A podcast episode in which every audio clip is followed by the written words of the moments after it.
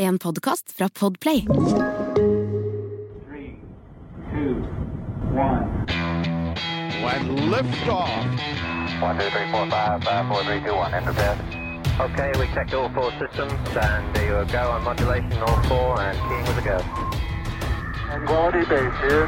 The Eagle has landed. Trygt plassert eh, på jorda, så sitter vi da altså her, og, og så, kan, så kan vi si sånn Igjen. Men ikke sånn, det er ikke sånn vi sier det. Vi sier det igjen! Igjen. Så sitter vi trygt plassert på jorda, og eh, dagens eh, tema Hei, Eirik, forresten. Hei, hei. Du, uh, ja. Jeg liker at du i dag kommer i pensko som trenger en liten puss på, helt på tuppene av Ja, tærne ja, ja. der. Og du har på deg sånn eh, voksenblazer fordi du har vært i møte med, og skal i møte med voksne mennesker. Jeg skal det. Av og til så tar Fantomet på seg vanlige klær og går blant folket som en helt vanlig mann. Men jeg har på meg Werner-skjorta, Ja, det skal det er- sies. det er veldig bra. Så jeg, jeg, og det, jeg syns jo det Jeg har faktisk Altså, jeg skal ut på en foredragsjobb, da. Jeg skal til Florø. Hei på dere, Florø, forresten. Uh, og, og jeg har jo hatt en del foredrag i det siste, og en ganske morsom ting, det er at Overalt hvor jeg kommer nå, det sitter alltid noen i salen med en av våre T-skjorter. Ja, det er, Det er, det er så deilig. Det er liksom sånn den følelsen Å, her er våre folk. Så, så takk for det, alle dere som da har vært der. Det, jeg, altså, jeg vet at dere hører på dette også, dere som har sittet i salen med T-skjorten på. Bare si at det er sterkt verdsatt. Det er det. Ja, i, i aller høyeste grad. Eh, og hvis Da kan vi jo bare si det, vi må følge opp med den lissepasningen der, da. Mm. Bare si det at eh, hvis du, kjære lytter, har lyst til å kle deg som moteikonet Eirik Newth, eh, så har du full anledning til det, altså. Eh, vi, kanskje vi skal legge inn en sånn eh, greie på nettsida der med sånn 'shop the outfit', sånn at man kan, vi kan ta noen bilder, så kan du få hele alt sammen. Ned til skoa og Dressmannbokserne og hele Ja. kostebinderiet. Ja, det er kanskje, kanskje sånn, sånn sjakktrekk å la altså, la modellen for T-skjorte være den, den, den, den største tenkelige modellen. For vanligvis er det eh, altså I vårt tilfelle så vil det da være de store størrelsene som modelleres, og ikke de minste, for det er jo vanligvis det med modeller. Det er jo det. Det er jo vanligvis small-størrelsen man liker å vise fram, men, eh, men vi er eh, vi, We're keeping it real, som Ja. man sier på norsk. Det er et eller annet med det. Ja. Hold det ekte, ikke noe sånn stupid size zero. Nei, nei, nei, nei, nei. Men du, det vi egentlig Dette er jo da ikke en motepodkast som snakker om, eh, om tøy, selv om vi snakker eh, overraskende mye om T-skjorter. Men, men eh, sånn utover det så stopper på en måte vår interesse for, for klær der. Vil jeg si. Eh, Men det vi nå skal snakke om, er, er noe som eh, vår venninne Marianne Vinje Tantelo Mhm. poengterte så fint for en stund siden. En av de andre gangene hun var gjest. Ikke det at hun er, hun er ikke her nå, altså. Nei, men sånn hun, hun kommer til å være gjest i nær fremtid, det får vi si. Det, Ja. det gjør hun. Eh, men hun sa det at si etter at måte, romstasjonen eh, ble satt i drift, så har aldri alle eh, jorda, eller hele jordas befolkning vært samla på planeten jorda. Fordi det har vært kontinuerlig bemanning på eh, romstasjonen siden den ble satt i drift. Eh, og det syns jeg var så fint, fordi man tenker jo sånn Ja, men alle menneskene er jo på jorda. Nei, det har de ikke vært på, på over 20 år. Fordi eh, de, eh, det har vært noen, det har vært en tre, fire, fem, seks stykker som alltid har vært på romstasjonen. Så ikke siden eh, 2000, eh, tidlig på 2000-tallet, så, så har altså hele planetens befolkning vært samla på planeten. Men det sagt, så er det jo da sånn at eh, noe av grunnen til at vi sitter her og snakker, eh, og har gjort det nå i snart 100 episoder, Eirik, snart 100 episoder, eh, er jo at eh, romfarten kommersialiseres, så også da med varig opphold i verdensrommet. Og da er vi inne på dette her med de kommersielle aktørenes eh, behov for ekspansjon. Lebensraum, ville noen sagt. Ja, Eh, og da må det bygges eh, noe greier i bane. Ja, det må det. Og noe av, noe av det det handler om her, er jo altså Vi er alle enige med at romstasjonen er en fantastisk eh, ting. Vi har jo tidligere snakket om disse enorme dimensjonene, det fantastiske arbeidet det var med alle romferjeferdene som måtte til for å sette den sammen. Eh, og dette hvor mange romskip som være koblet sammen, og det internasjonale samarbeidet. Det er veldig mye fint å si om den, men den er fryktelig dyr i drift. Den trekker vel nærmere halvparten av NASAs sånn bemannede budsjett. Og vi minner om at NASA skal til månen, ikke sant. Så Men, men det, hvorfor gjør den det? Hva, hva med den er det som, som gjør det? Altså, jeg tenker at Når den er der, så er den der. Mm, Og så trenger den noe supplies med noe oksygen og litt sånn. Men jeg, det der, der sliter jeg litt med å Nei, altså En ting er jo ferdene opp, for de har jo vært, de har jo vært ganske dyre. Så, så de er jo du, du Når du tenker på alt som skal til rundt en ferd, altså ikke bare astronautene, men faktisk også utstyret som skal sendes opp, som er kostbart, så, så, så ender du nok fort opp på en, eh, en, en, en milliard der. Men i tillegg så er det altså rett og slett eh, hele infrastrukturen rundt, for det er jo et kontrollsenter. eh, og, og, og det er jo også jevnlige oppussinger, altså den må holdes i drift. Så, så, så NASA har et ganske sånn høyt driftsbudsjett på den. Og, og um, igjen, de har mye de skal gjøre. Det er jo poenget. Ja. De har dette her uh, Artemis-programmet. De skal til månen. Det er ekstremt ambisiøst. Uh, og det fins en sånn gammel regel tilbake fra 70-tallet som sa noe sånt som at NASA kan ikke egentlig ta på seg to svære oppgaver på en gang. Altså typ, De kunne ikke fortsette å dra til månen og samtidig bygge romferja. ikke sant? Nei, Det hadde vært for mye. Og, og, og det har hele tiden vært en sånn tanke at så lenge du kunne ha et rom, ro, en romstasjon som kunne integreres med romferja og ferder til lav jordbane, så var det helt greit. Men når, vi nå, når de nå skal ut, og ikke bare dra til månen, men de skal bygge en romstasjon i bane rundt månen, Gateway, de skal ha baser på månen, og de skal jo lete etter is på månen, det er kjempeambisiøst, så er det veldig vanskelig å se for seg hvordan dette skal liksom eh, gå i hop med at du også har en aldrende og antagelig stadig dyrere, for det er den andre tingen, ikke sant? En, en stadig dyrere eh, romstasjon som, som eh, sviver rundt der oppe. Ja. Men stadig dyrere pga. at det er stadig mer vedlikehold som Ja. må gjøres. Det er det det, er det, det går sant, på enkelte greier. Altså rett og slett på et eller annet tidspunkt så, Der vi er nå, så kan man fremdeles flyte på de komponentene som er der. Eh, men, eh, men det vi ser er jo nummer én, russerne kan dessverre ikke bidra så mye som vi hadde håpet. Den siste eh, delen deres, Nauka, den lagde jo kjempeproblemer. Den var ikke helt patent. Eh, og amerikanerne bygger jo for øyeblikket ikke noen nye svære deler til altså noen nye sånne boligmoduler til romstasjonen. Så, så ja, eh, det har vært snakket om det, Lenge var det snakket om at romstasjonen skulle styres ned i atmosfæren trygt. Altså avslutte livet, da. Uh, I det derre øde hjørnet som vi har snakket om i en tidligere episode. Det øde hjørnet av Stillehavet. Tenk å dykke der. Tenk å dykke på romstasjonen, da. Ja? Jeg, Det, tror, jeg tror ikke du kan fridykke, for jeg tror det er veldig dypt. Men ja, tenk å sitte i en sånn, der, eh, sånn mini-ubåt og dra ned og Altså, det er fullt av romskrap på havbunnen, ikke sant? men, men, men bare en ting. For at det er jo en del eh, Jeg vil jo nesten anta at når man først har liksom starta greia med å ha romstasjon, og ha folk i, i verdensrommet kontinuerlig, så er jo det en, eh, en, altså en kjedelig eh, peak å måte avslutte, og slutte med å ikke gjøre. Så det må jo erstattes med noe. Ja. Og vil da den, erstat, altså den erstatningen vil jo også kreve Altså alle tingene du sier altså Ferder opp, det vil kreve supplies eh, jevnlig. Mm. Det vil kreve et kontrollsenter eh, på bakken. Er det så mye å, å spare da på å, å begynne på null og lage noe helt nytt med liksom dagens teknologi som er state of the art? eh, Nei, altså, det, det, det, der NASA er nå, og de, de har litt gode erfaringer med dette, med at de, de jo, har jo gitt eh, i, I romsammenheng ikke veldig mye penger til SpaceX. De har fått noen milliarder dollar, men det er jo i romfartssammenheng ikke overveldende mye. Og de har liksom både fått Falcon 9-raketten og, og Dragon-kapselen til forsyninger, og Crew Dragon. Så de har fått masse igjen for ganske lite penger, og har Altså, vel, den vellykkede kommersielle satsingen, og flere andre, har gitt dem litt mersmak, for å si det sånn. Og, Derfor så har de altså rett og slett lagt penger på bordet og sagt vi ønsker å gjøre noe lignende igjen. Vi ønsker å, ha, eh, ha, vi ønsker å putte kapital inn i private prosjekter som der det langsiktige målet nå ser ut til å være at NASA skal slutte å eie og drifte romstasjonen, som de er med på nå. Og så skal de gå over til å bare kjøpe plasser om bord, slik de gjør på Crew Dragon. ikke sant? For det er jo SpaceX som eier og drifter Crew Dragon.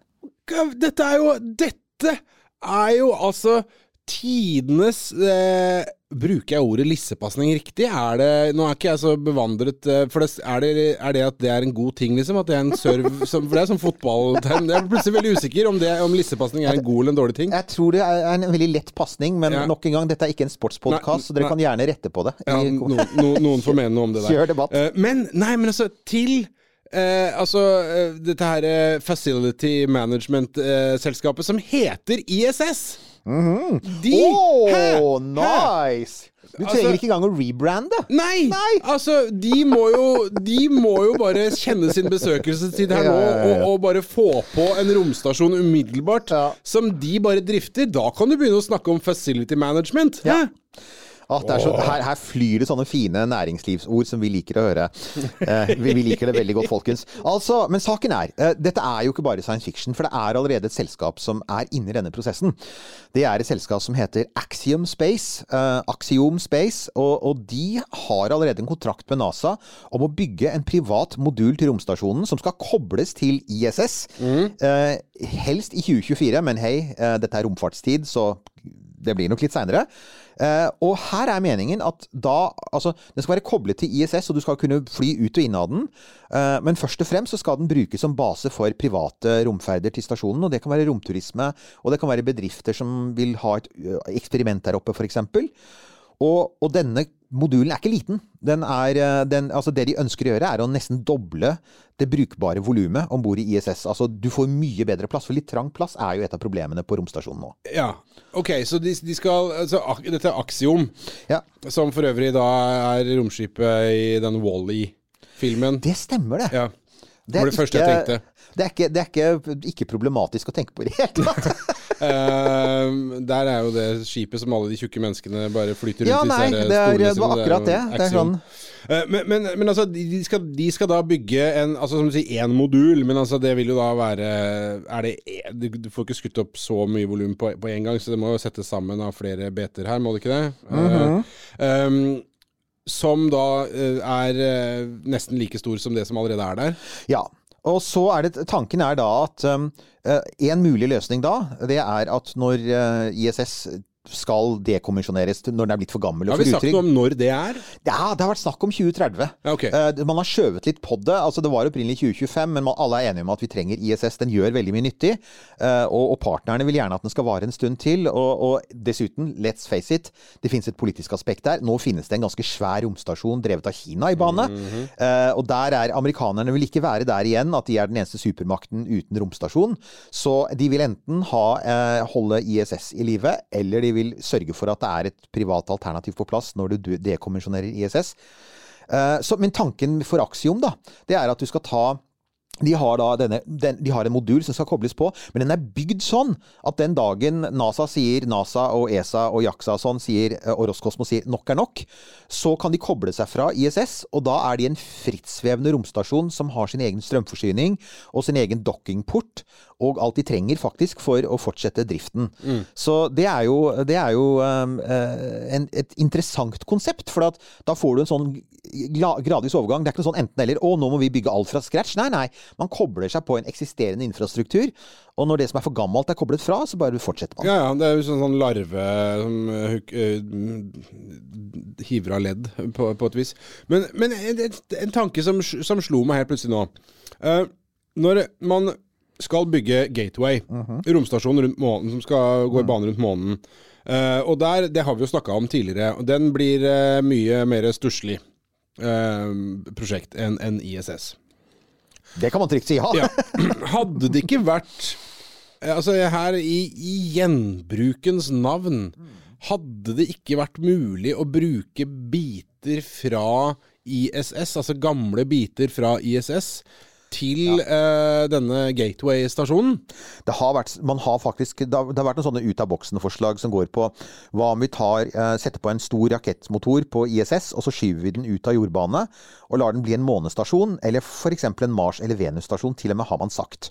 Den behøver ikke være bemannet hele tiden, men da har vi den der, istedenfor at vi bare kaster den. Ja. Det er ikke noe, det er ikke noen dårlig tanke. Det eneste problemet med den er selvfølgelig at uh, dette er, dette er første gang at vi har hatt en romstasjon så lenge oppe i rommet, og enn så lenge går det bra. Men det er klart, den er jo et pågående eksperiment, og vi har liksom ingen garanti for at ikke noen av materialene f.eks. i ISS viser seg å ha en levetid som er Nå er den 20, litt over 20 år gammel, og så er det noen av materialene som ikke vi vet om nå, som kanskje har en levetid på 25 år, da, for å si det sånn. Så jeg, jeg tenker at eh, en av grunnene til at man nøler, bortsett fra prisen, er nok dette her i- risikomomentet. da, At det er jo faktisk Det er jo farlig nok å være i romstasjonen i lav jordbane, og, og, og, og selvfølgelig så er den jo ikke bygd for å være i bane rundt månen, for den bør jo strengt tatt egentlig ha litt bedre strålingsbeskyttelse, fordi at på månen så er jo Der er Men kan man ikke, kan man ikke retrofitte, altså sette på ting eh, mens den er oppe, og så eh, gjøre sånne For jeg tenker, Ja. som du sier, da, at det har vært forslag på å eh, altså gjenbruke den, eh, enten da på månen eller eh, Mars eller et eller annet. Jeg tenker Istedenfor å sende den ned i en sikker død og, og 100% destruksjon, så ville det jo Altså, da kunne man jo sendt den av gårde, da, f.eks. mot Mars. Og så kunne den vært der, og så kunne den vært en sånn eventualitet der. Så istedenfor å bare Ja. si nei, dette går nok ikke, så kunne man jo heller sagt ja, men la oss prøve, da. Ja. Fordi eh, altså, hva, hva har man å tape annet enn prisen på en rakett eh, som man må feste på greia? Men det er jo det man sier, at der har du på en måte dagens NASA versus NASA tidligere, som helt klart var dristigere med sånne ting. NASA er blitt ganske trygghetssøkende, og på mange måter så er det, et veldig, det er en veldig safe ting de gjør nå. Det er egentlig, de to sine hender, så sier de at vi vil veldig gjerne, for at Kongressen har også sagt ganske tydelig at man ønsker alltid å ha amerikanere i rommet. Alltid minst to amerikanere i rommet. Det sikres jo nå med ISS, og, og, men det er likegyldig selvfølgelig om de amerikanerne er på en privat eller offentlig romstasjon, sier da, sier man. Ja, ja. Så, men som by the way, altså dette Axios, eh, Axiom-selskapet man får, altså, For å bare si det sånn, det høres ut som de bare holder på med ting i fremtiden. De skal altså faktisk allerede om noen måneder så skal de sende opp eh, fire mann på Crew Dragon til ISS. Og det er, eh, det er en ferd som heter AX1. AX1. Uh, og de skal være på eh, romstasjonen. Altså, så den er, og den er helprivat, akkurat som Inspiration 4. Men i motsetning til Inspiration 4, som ikke fikk lov til å dokke med romstasjonen. fordi altså Man kan ikke bare dokke der, man må jo ha en avtale med NASA. Her har man selvfølgelig en avtale med NASA. Uh, og de skal være der i åtte dager, og de skal drive intens forskning. Eh, og planen deres er jo faktisk å, å sende opp to sånne ferder i året til romstasjonen og, og tjene penger på det. Så, så Axiom er i gang, da, for å si det sånn. It's something. It's something. Men de har ikke bygd noe, Nei, altså noe romstasjon? Selve, romstasjonen er enda ikke klar, og, og, og, og, man driver jo og tester den, men, eh, men den er ikke klar til å skytes opp. Det, så Men, men så, så den Axiom romstasjonen er mer enn bare en tegning? Den er mer enn bare en tegning. De er i gang med å bygge den, og de har også fått ja. penger til å gjøre det. Så, Ja. så, så det, det kommer nok til å skje. Men så er jo da spørsmålet eh, Så er det jo da de som mener at nei, men det er bedre å, å gjøre det helt fra scratch. Altså du tar og sender opp en helt ny romstasjon. Og selvfølgelig, eh, altså hver gang SpaceX, for de er jo da involvert på leverandørsiden er Hver gang. SpaceX er involvert nå, gjett tre ganger hvem som kommer tuslende etter med cowboyhatten sin, Nils Johan. Er det Werner von Braun? Ja, Wer- det var for en gangs skyld ikke Werner. Nei. Der var han, han andre fyren, han som forsøker å saksøke seg ja, til månen. Ja, ja, ikke sant? Det er Ja. han der, der, Det er han der, der ja. Han som alle ble så glad i i sommer. Eh, Blue Origin, uh, som lager utrolig fin datagrafikk og ikke fullt så fine raketter. De har jo da, Det er jo mange som har påpekt det, at hvis de var litt flinkere til å Hvis de brukte litt mindre eh, på, litt mindre på, på designbudsjettet sitt, og litt mer på sånn rakettdesignbudsjettet sitt Men de har altså da en plan, og den heter Ja. Det ble lansert bare for noen dager før vi gjorde dette opptaket, og det heter Orbital Reef. Ja. Og det er altså, reef er jo korallrev. Ja.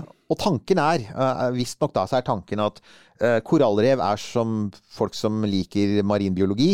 eh, de veit jo da at korallrev er et fantastisk sted for liv på, i havet. Altså det er et sted det er sånn, en sånn sted hvor Ja, fisker og, og mm, sjøstjerner ja, mm. Alltid masse liv der. Og det tiltrekker seg liv, så det er et veldig bra sted. Mye biodiversitet, er det vel det heter. Ja. Nå skulle vi hatt eh, Petter her.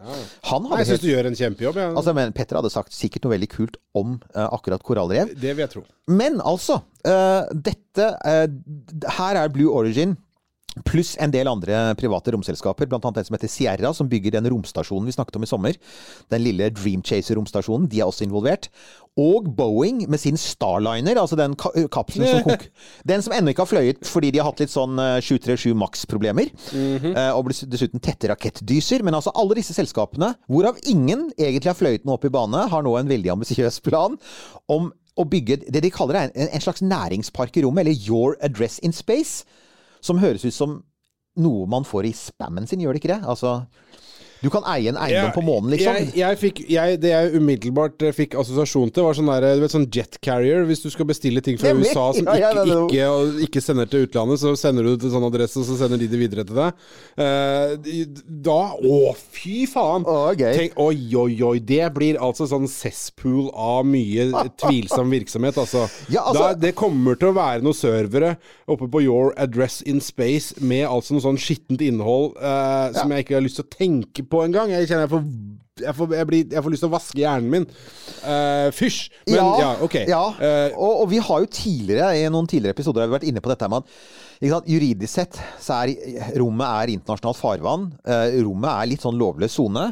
Riktignok så er denne altså Hvis modulen er bygd i USA, så er det amerikansk lovverk som gjelder. Men tanken er jo at kommersielle aktører de skal ha, sende opp en sånn kjerne. Eh, kjerneromstasjon med solcellepaneler, og så skal kommersielle aktører ikke bare leie plass om bord, men kanskje også koble seg på. Og Det er da man ser for meg liksom sånn Bermuda-registrert. registrert. Altså hvis du lurer på hvis du, en, en, Ganske mange fattige afrikanske nasjoner vil da se at deres, de vil oppdage, oppdage at deres presidenter f.eks. har ganske mye verdier Ja. i, på your address in space. Ikke ja, sant? ikke sant? Ja, Så, så, men, men saken er jo altså, Tanken Space er Papers kommer da Ja, Space noen år Papers. etterpå. Der, ja, ikke sant? Ikke Mm. sant? Og der er jo saken da. Altså, ideen er at man skal ta imot man skal ta imot det meste. Altså, de skal sikkert sette noen sånne lovlighetsgrenser, men du skal kunne koble på moduler, dockingporter, og du skal kunne sende opp eksperimenter. Eh, og så skal det selvfølgelig være billig, eh, og da, det, det kan bare gjøres med gjenbrukbare raketter. Og da får vi bare minne igjen om at de eneste som har gjenbrukbare raketter, er de som ikke er med på den fine datasimuleringen. så det er Så her Det man ser, da, er en datasimulering av en romstasjon som ikke eksisterer men som, og som betjenes av tre romfartøy som ennå ikke flyr. Altså Det ene er Boeing Starliner, som riktignok fins, men som ikke flyr. Og så er det Sierras lille romferje, som er under bygging, men som ennå ikke har fløyet.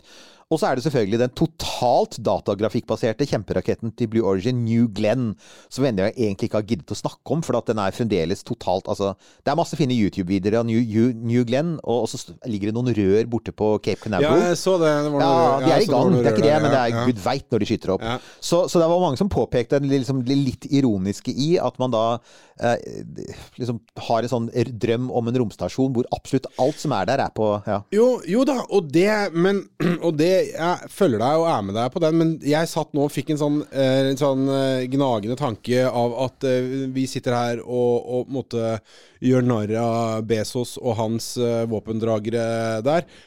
Men men altså, et sted tenker jeg må man begynne. Noen må ha Ja. en idé. Noen må starte med på en måte eh, noe ja, grafikk. Eh, og så er det vel eh, sånn at Nja, kanskje tidshorisonten ikke er helt på plass ennå, men sannsynligheten for at uh, At kanskje uh, Your Address in Space uh, blir noe om x antall år, er jo ikke helt fjern.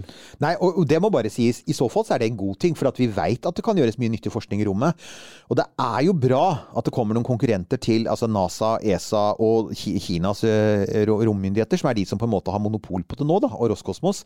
Så, så jeg syns jo sånn sett at det er veldig fint. Og det de også snakker om, det er muligheten for å ha småeksperimenter. Altså uh, istedenfor å ha, sende opp et, en kjempedyr, svær maskin til en milliard dollar, at du kan sende opp ekvivalenten til CubeSats, altså studenteksperimenter til noen tusen dollar. Og at du henger deg på svære oppskytinger med New Glenn. Og at du dermed kan få gjort forskning. F.eks. Uh, fattige land og fattige studenter, da, om du vil, kan uh, få, få gjort uh, kan få gjort eksperimenter, og, og innovative eksperimenter, som, som, ikke, som ikke går i dag. Så, jeg, så det, det liker jeg jo. Og så er det én liten sånn raritet, og jeg lurer på om jeg, den, er så, såpass rar at jeg er ikke 100% sikker at den stemmer. Endelig kan Kongos romprogram øh, få Og skyte! Kongo. Vi ønsker at Kongo kommer opp i rommet, og om det skjer på, eh, på en Blue Origin-romstasjon, så so be it. Mm. For at det vi ser, er at NASA har ikke tenkt å gjøre det, og ESA har ikke tenkt å gjøre det. Så, så da må det eventuelt bli noen private. Men jeg er helt enig. Kongos romprogram. Vi har en sending om det òg, folkens. Den er veldig det, det, det, det må dere bare høre, hvis dere ikke har hørt den.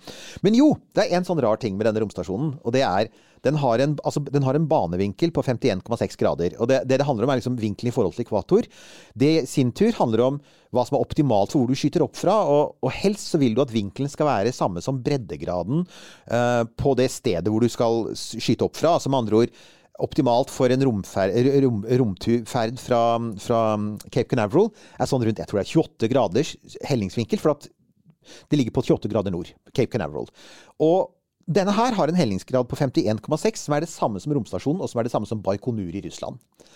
Og, og vi veit at rom, det, ISS har en, går i en bane på, med en hellingsvinkel på 51,6, fordi det er jo halvveis et politisk prosjekt som handlet om å involvere russerne.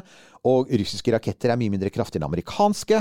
Så derfor så ofret romferja først, og nå også Falcon 9, ofre litt eh, drivkraft for å liksom skifte banevinkel og komme seg opp i den russiske banevinkelen. Men jeg stusser over, når jeg så det, tenkte jeg oi, de legger seg der. Og, og hva, hva er det? Er vi, er vi på reefen her nå? Nå er vi på reefen. Ja, ja, ok, og, og, sorry, ja. Orbital Reef ser ut for at altså, Den fra Axiom den kommer jo til å ha Baikonur-bane, for den kommer jo til å være lang, skutt opp i og kobla til ISS, så den kommer til å fortsette i Baikonur-bane. Ja. Så er vi nå i en situasjon hvor faktisk eh, fremtidens kommersielle eh, at liksom, For at du skal kunne lykkes kommersielt, så må du på en måte Det, det hadde jo så ofte vært en fascinerende ting. Men jeg vet, det er ikke 100 sikkert, altså, men det ser sånn ut nå. Men uh, betyr Ja ja, det kan jo hende at det er mulig å kjøpe seg noen billige launchpads uh, borti Baikonur nå. For da, Ja. de, de trenger vel eh, noen rubler eh, der borte. Ja, så er det én ting til, selvfølgelig. og det er at Når du har høyere banevinkel, så får du faktisk mer utsikt over jorda. Ja. Altså hvis du, hvis, du, hvis du beveger deg på lavere breddegrader, så ser du f.eks. aldri Norge. Ikke sant? Ja. Mens eh, altså, vi kan faktisk av og til se romstasjonen fra Norge, hvilket også betyr at romstasjonen av og til kan se oss. ikke sant? Så, og, og det betyr at hvis du skal bruke det til jordobservasjon f.eks., så ønsker du den der eh, litt sånn krappere vinkelen enn du får fra, fra Cape. Men, eh, men allikevel så er det jo Det koster brennstoff å sende opp ting dit fra USA. Men jeg antar også at altså, disse gjenbrukbare rakettene, der skal jo brennstoffet bety såpass lite at jeg antar at det er, det er verdt det.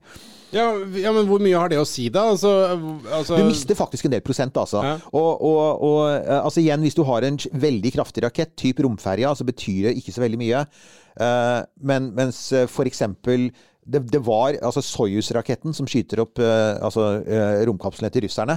Den er såpass gammel nå og er såpass, er såpass ineffektiv at den ville betalt en høy pris om ISS hadde blitt liggende i, i Cape Canaveral-banevinkel, og de måtte Ja. justeres inn ned til, til det. Ah, okay. så, det, det har, så det er en sånn ting som ofte ignoreres, men som er ganske viktig, er akkurat det.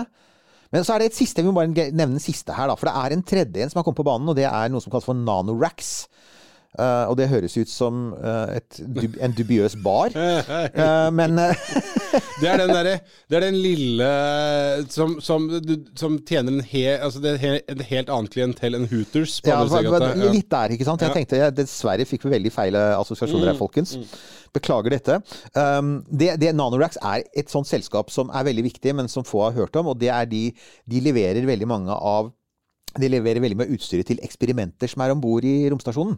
Så hvis du skal sende opp noe hvis du skal sende opp noen planter, eller noe sånt, så er det Nanorack som leverer veldig mye av det du trenger for at eksperimentet skal Ja, Det høres ut som de lager stativer, på en måte. Altså, og ja, bokser ikke sant, men og ting mer enn det. For ja. at det er klart det skal jo ha lys og strøm og datamaskiner og sånn. Så det er jo ganske Så de har, de har, de har masse kompetanse på dette med å drive eksperimenter i bane, og kan gjøre det på oppdrag. Eh, De har da startet Så igjen, de har erfaring.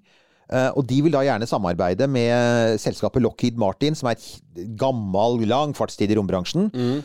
Som, og de vil bygge en romstasjon som heter Starlab. Eh, og i likhet med disse andre, så har de også tenkt å benytte seg av et, oppblåsbart modul, for det er jo en sånn teknologi man har testet, ikke sant? Og det er altså Ideen der er at du sender opp en, et, eh, en, en, for eksempel en boligmodul som er, som er klemt sammen, og så blåser den ikke egentlig opp, for alt du behøver å gjøre er å ha luft i den, og så vil den jo, fordi det er vakuum utenfor, så vil den på en måte strekke seg ut. Og det var, jo, det var jo et amerikansk selskap som ikke er på denne lista til NASA, som heter Bigelow Aerospace. Ja, de skulle lage hotellet. Ja. Hotellet. Bigelow ser ut til å ha sånn eh, Altså, de, de stengte virksomheten sin under covid og skyldte oh, ja. på covid, men det ser ikke ut til at de har starta igjen. Dessverre, for de var ganske innovative. Men det, men det som da man har tatt med seg videre fra det, er mange har da tatt med seg videre tanker om oppblåsbare rom, eh, romstasjoner, så det kommer. Mm, det kom. Men eh, da eh, for, La meg bare bemerke først. eh, Nanoracks eh, skal lage en romstasjon som heter Starlab. Så fantasifulle var de i navnet sitt. Ja, ja, ja. ja, eh, ja, ja. Starlab The Remake. The remake. Ja. Jeg har ennå ikke funnet ut for øvrig hvem som skal betjene dem, men det slår meg jo at hvis Starship skal til Starlab, Mhm. og de reiser fra Starbase i, Texas, så er det mulig at Starman Så er det nemlig Alt som mangler, er Starman, og der kommer det. Waiting in the sky Så du forresten Apropos det. Altså, way to ødelegge alle liksom, barne- og ungdomsminner. Uh, du har sett at uh, Disney skal lage en sånn, uh, sånn prequel, eller sånn forhistorien til eh, Buzz Lightyear. Å jo da. Jeg, jeg, jeg, den datt inn i en YouTube-feeden min, og ikke skjønner jeg hvorfor jeg får det. Kan ikke skjønne hvorfor noen sender meg rom, romfartsrelaterte ting. rart. Men der fikk jeg altså YouTube anbefalte meg da, og hva er det? Jo, det er jo da selvfølgelig altså Det er jo animert, selvfølgelig, sånn Pixar-aktig. Eh, det, det får nå være. Altså, jeg kommer jo ikke til å se den uansett. Men de har altså da tatt Starman, David Bowie sin Starman, som temasang, og da kjenner jeg at jeg tilter. ja, det, det var ikke mer fantasi å hente enn som så, nei. Nei, men jeg bare minnet meg på det, at det skjer, folkens, det skjer horrible ting der Ja. ute. Ja, det er mye, det er dette her er, ja, er det mye fælt. Det er mye fælt i verden. Ja. Det er det. Uh, uh, Og apropos det. Ja, jeg holdt på å si Apropos Jo, nei, for det, når du Du var liksom på lista di, og okay, og en siste som eh, ikke er nevnt, eh, ofte glemt, uh, Nanoracks. Men det vi ikke har eh, sagt noe om, er jo uh, vår eh, ADHD-elbilkjørende venn uh, Elon. Ja. Uh, når det da er et nytt sånn space race, og det det handler om, det begynner å handle om fast eiendom, måte, eh, romstasjonbygging, eh, så tenker jeg to ting. Ok, Det ene er uh, hvor uh, Her må jo SpaceX gjøre noe, uh, er min sånn umiddelbare tanke. Men så er neste tanke er jo da at nei, vent litt, kanskje han driter i det, fordi han har fo- fullt fokus på eh, Starship og Mars. 1202. Jeg tror det, det du sier der er helt riktig. Som jeg sa litt eh, tidligere i, i denne praten, så, så har det vært et sånt uutsagt prinsipp i NASA at de kan ikke gjøre to svære ting samtidig, for det har de ikke ressurser og penger til. Eh, det gjelder jo høyeste grad for SpaceX. Altså SpaceX gjør mirakuløse ting, det er ikke det. Men det er jo ikke NASA. De har ikke, de har ikke 22 milliarder dollar i året å brenne. Det er jo stor grad private midler de nå svir av på, på Starship, så de har et fokus. De har valgt å fokusere på én ting, og det er å få mennesker til Mars og eventuelt en liten eh, avstikker til månen, hvis NASA betaler dem for det. Men det er å få mennesker til Mars. Og, og i, så, i det perspektivet så har de jo Jeg, jeg veit jo at de har tenkt på muligheten. Det er jo mange som har påpekt at hvis du skal sende et Starship til Mars, så, så kan du ikke sende raketten rett fra jorda. Den skal uh, gå opp i jorda, altså selve passasjerskipet må opp i jorda i ventebane, og så må det sendes opp um, på, altså romskip med andre Starship som fyller på tanken, rett og Ja, slett. Du må etterfylle tanken. Ja. Dette har vi jo snakket om, dette har man snakket om før, og som da flere har påpekt, det er ganske mange turer du skal ta. Det er mulig at du skal ta både seks og åtte turer eh, med romskip fra jorda for å fylle opp tanken. Og Elon Musk sier at det kan skje på en ettermiddag. De fleste tror at dette vil ta litt tid. Og det de da sier, er at å drive altså Det er som når du sitter i et fly, og, og, og kabinpersonalet sier 'nå fyller vi på brennstoff'. Dette skjedde med meg nettopp, det var så eksotisk, for det er så lenge siden. Sånn, Å ja, jeg må løsne på, på beltet, belte, sant, beltet, ikke sant? Også, for nå er det, nå fyller de på brennstoff. Vel, altså du kan jo ikke, hvis det tar f.eks. en uke da, å tanke opp, som fort kan skje, så kan du på en måte ikke ha 150 Mars-kolonister hengende rundt i vektløshet i en uke i det ganske trange romskipet, mens du driver og kanskje driver med brennstoffpåfyll, er det noen som sier. Og at, at SpaceX kan ende opp med å ha et, lage et sånt midlertidig romhotell, som folk kan være i mens tankene fylles opp før de sendes videre, det er, det er ikke helt utenkelig av sikkerhetsgrunner, da. Men ellers så er det ingenting som tyder på at dette er noe SpaceX er spesielt opptatt av. De vil gjerne sende ting opp til disse romstasjonene, Ja. Men, men de, har fokus, eh, de har fokus på Mars. Igjen, der er det ISS, altså. Må komme på banen. Dere som driver sånn kantine og vaktmestervirksomhet og gjør det stort eh, på Ja. det. Her må dere bare kjenne deres besøkelsestid. Altså, ekspander! Hør visdommen som kommer fra romkapselen nå. Eh, men altså, men en ting som vi veit at de sånn, apropos det, da, hvis vi skal ha en sånn smooth overgang her Segway, så kan vi si ja, det fins Altså, det er jo én ting de er opptatt av i SpaceX for tiden, og det er jo urin. vi må jo snakke litt om um, Det var et veldig Jeg syns ikke det var noe Segway. Det, Nei, det var ikke det i det hele tatt. Det var patetisk. veldig brå overgang, men det kan fungere Ja, men vel det så bra, for så det. vidt Altså. om, det handler jo for så vidt om, om, om trivsel i vektløshet. Da. For det er altså, saken er at um, vi har jo hatt uh, Det er ikke så lenge siden vi snakket om Inspiration 4. Denne egentlig veldig trivelige og optimistiske og veldig fine ferden med fire private passasjerer med om bord i en SpaceX Crew Dragon. Og så ble det sagt under ferden at vi ha, hadde litt toalettproblemer. Ja, det var en 1203. det var, ikke sant? det var en 1203, nemlig. Og så var det sånn Ok, vi fikk ikke høre noe særlig mer, mer om det, men nå har vi da fått vite hva det var. Og dette er da han som har ansvaret for astronautene i SpaceX nå, han heter Bill Gerstenmaier. Han er en legendarisk og han som hadde ansvaret for astronautene i NASA. Så han en, en fyr med sånn der skikkelig sånn massiv 70-tallsbart, som eh, har eh, holdt, holdt en sånn fast styring på rom, romprogrammet til NASA i årevis, og nå styrer han i SpaceX. Så han tok eh, Han eh, gikk ut i mediene med dette og tok liksom støyten, for han sa det det handler om, er at det man oppdaget under Inspiration 4, det var at uh, ja, det var toalettproblemer, og det handlet om at uh, det var den st Når man tisser i rommet, så må, må, jo, så, må jo urinen det må liksom sånn suges. Du må ha, et, du må ha sugekraft, for ellers er det vektløshet, og da har du bobler som driver omkring, og det vil du ikke ha. Og så skal det suges ned i en tank under romskipet, under gulvet i Crew Dragon. Og så viser det seg at ledningen som liksom skulle trekke urinen som var festa fra sugemekanismen og til mellom tanken, den hadde løsna. Så da var det blitt sprutet uh, tiss imellom, altså under gulvet på, på rom, rom, dette romskipet. Og, så ja, og da tenker jeg ok, uh, det er nå én ting. Så viser det seg at man tilsetter et stoff for at dette, dette, urinet ikke skal være flytende. Et stoff som heter okson. Uh, og, og, det er i og for seg greit, men så var man redd for at vel, hva skjer hvis du får sånn, en sånn derre slush, altså en sånn slags uh, slaps av okson og tiss på, på, inni et romskip!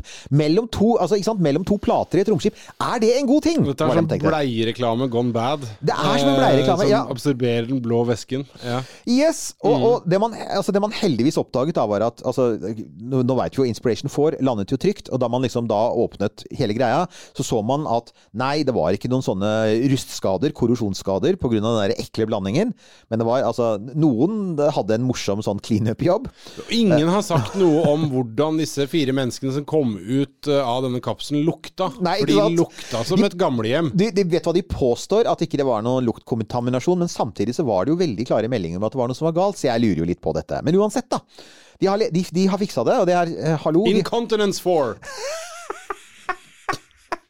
Men de har jo da fiksa det ved rett og slett å sveise på dette uh, ja, røret. Ja, for det, det de sa var vel at istedenfor skjøter som kan uh, løsne og hva det, så skal det være et uh, helt Det skal være en, en, ubrutt kjede av rør opp til både fanter og, og trakter. Og her er jeg helt sikker på at våre lyttere i VVS-bransjen kan ikke gjenkjenne og si at vi, altså, et, et, normalt, et normalt norsk baderom har ikke enorme rystelser og 9G. Og likevel så forsøker man jo selvfølgelig å feste det så godt som mulig. Så det er liksom noe med det der med at man har et uh, rør som kan løsne fra noe som er Det er lenge siden du har vært på do uh, etter en ordentlig kveld på byen, Eirik Knut. For da får det kjørt seg hjemme, i hvert fall. Det vet ikke. Utekebab. I know. I know. ja, det blir vel noen, noen G da. Men så, men, men siste ting der, da. Det var en siste liten twist der, og det var Uh, det er jo faktisk en Crew Dragon oppe på romstasjonen nå. Ja. Der var linken. Det var det som skulle vært linken. Oh, ja, det var jo ah, sånn vi. det burde vært. Vi er så uproffe. Men altså, det er en, det, og det er jo Crew 2 som er der oppe nå. Ja. Uh, og de skal jo ned igjen på et eller annet tidspunkt. Og, og, og jeg tror faktisk om ikke så lenge. Uh, men dette romskipet, som da er kobla til romstasjonen og har hengt der i månedsvis Spørsmålet var har det de samme problemene. Og det man da måtte gjøre, var å, å faktisk Man kunne ikke bryte opp gulvet i, i romkapselen i, i, i, bane. Så det man gjorde, var at man rett og slett stakk et sånt her rør ned så man kunne med et kamera. Så man kunne se åssen det så ut der nede. Det, var, det fikk man til. Og det man så var ganske riktig. Der var det noen avleiringer du ikke har lyst til å se på noe toalett, være seg i rommet eller på bakken. Du har ikke lyst til å se familiens urin som kaket med okson på gulvet ditt. Så, så da var spørsmålet hvordan, hva er langtidseffekten? Altså, for det, altså det, er, det er lenge siden det, den doen var i bruk. Ja. Nå bruker de doen om bord i romstasjonen, mm. som forhåpentligvis har sveisa rørene sine, by the way. Det tenkte jeg nå. Uh, ellers så kan du tenke deg liksom at du har sånn der uh... Og igjen så har fordelene av å ha en, en uh, aktør som ISS på ISS. Altså du, du, du, gir deg ikke, men jeg syns det er et veldig godt poeng. Det, poeng poenget ditt blir stadig bedre. Vi skal sende en faktura ja, nå til ja, ja, ja, ISS. Og, og ISS, altså hvis dere har lyst på vi, vi, vi, Hvis dere har lyst på en sponsordeal, så bare si fra. Vi er uh, ISS sponser ISS. Men uansett, uh, de hadde testa det, og Bill Gerstenmaier, eller Gerst som uh, Romtwitter liker å kalle han, Gerst hadde da vært ute og sagt at bare rolig, det ser ikke ut til at det er noe problem, for som han tørt kommenterte, det er et veldig tørt miljø i verdensrommet. Så det, det gikk bra. Så, men um, Um, Ja, Hvordan skal du komme deg ut av denne, Erik? Ja, jeg, jeg liker den aller beste her. Jo, forresten, det var en ting han sa. Han sa uh, heldigvis, eller med hensikt, så valgte vi aluminium som ikke er veldig sårbart for korrosjon. Det var sånn, Heldigvis var den første han sa. Tenkte oh shit. um, men saken er Nå skal jo som sagt eh, Crew eh, 2 skal ned, og da finner vi jo ned Vi finner da ut under nedstigningen gjennom atmosfæren også. Det går, det går helt sikkert bra. De har kontroll på det. Ja, men det, likevel. det ville vært ille hvis det var liksom litt piss som skulle føre til den første store ulykken med en, en eh, crew dragon. At det var liksom noen dråper tiss. Åh, å, himmel, ja. Nei, jeg er helt enig. Men, du, men, vet, men jeg tenker at vi, eh, vi, har, vi har snakket ferdig eh, Rom og romstasjon, men før vi går ut, så må vi da bare minne igjennom altså at, hvordan, status for T-skjorter og slike ting. Du, nå skal du høre! Eh, per nå så er eh, nå, nå skriver vi da, så når dette spilles inn, 4. november, så er, eh, er jeg helt a jour med alle bestillinger. Alle som eh, har bestilt, har eh, fått eh, tilsendt, eller i det minste fått tilbud om Og nå skal jeg drive med sånn et lite snev av voksenopplæring. For det som skjer, er når du, kjære lytter, og det setter vi jo veldig pris på, bestiller en T-skjorte så sender jeg et Vipps-krav fra vår Vipps-konto. Eh, romkapsel, Newt og Halvorsen, som du kan søke opp og donere frivillig lyttelisens hvis eh, du ønsker det og ikke har lyst på våre flotte T-skjorter. Eh, og da, det som skjer da, er at det er et sånt krav som timer ut etter noen dager. Tror jeg. Og så Det betyr da at da står det i, i min oversikt så står det da avvist, eller forkastet, eller et eller annet sånt med røde bokstaver. Eh, så uh, hvis du har bestilt en T-skjorte og får et sånt lite ikon eh, oppe på mobiltelefonen din, så anbefaler jeg deg å sjekke det. Uh, sånn at ikke den For da får du ikke noe T-skjorte. Så da må du bestille på nytt. Og da får du eventuelt e-mailer fra folk som sier 'men jeg bestilte'. Ja, nettopp. Men Ja. da har du ikke fulgt med. Så litt årvåkenhet. Og i tillegg så, så skal jeg bare innrømme det at nå har jeg også krøpet til korset og, og outsourca denne bestillings- og utsendelsesprosessen til nabogutten på 15, eh, som har mer tid, rett og slett. Så, så fra og med ikke så veldig lenge, så, så, så kommer han til å stå for det. Men, men jeg, tar, jeg tar fullt ansvar som den, den voksne og myndige. Så hvis det blir noe trøbbel, så kan dere klage til meg. Det Altså, jeg, jeg liker altså, Dette her er, dette er som en Organisasjonen øker. Organisasjonen øker. Dette er jo som å lese Flåklypa tidene. Altså. Det er virkelig det er mer lokalt. Folkens, mer lokalt og kortreist blir det bare Nei, ikke. det gjør ikke. Så ikke, altså, ikke internettbaserte serverløsninger som er utsatt for russiske hackere, men nabogutten. Ja. Bedre blir det ikke. Ja, ja, ja. Så vi har kommunikasjon via sånn blekkboks med sånn tråd med sånn tråd, ja. Eh, Hvis det er noe. Og det som jeg også skal si, og dette er, vi tar jo innimellom, så har vi redaksjonsmøte for åpen mikrofon, og det skjer nå. Fordi uh, det som også har skjedd, så det må vi bare få ut på nettsida så fort som mulig, er at endelig så har jeg altså fått uh, leveranse uh, på uh, utsendelsesemballasje til de, eminente kaffekoppene.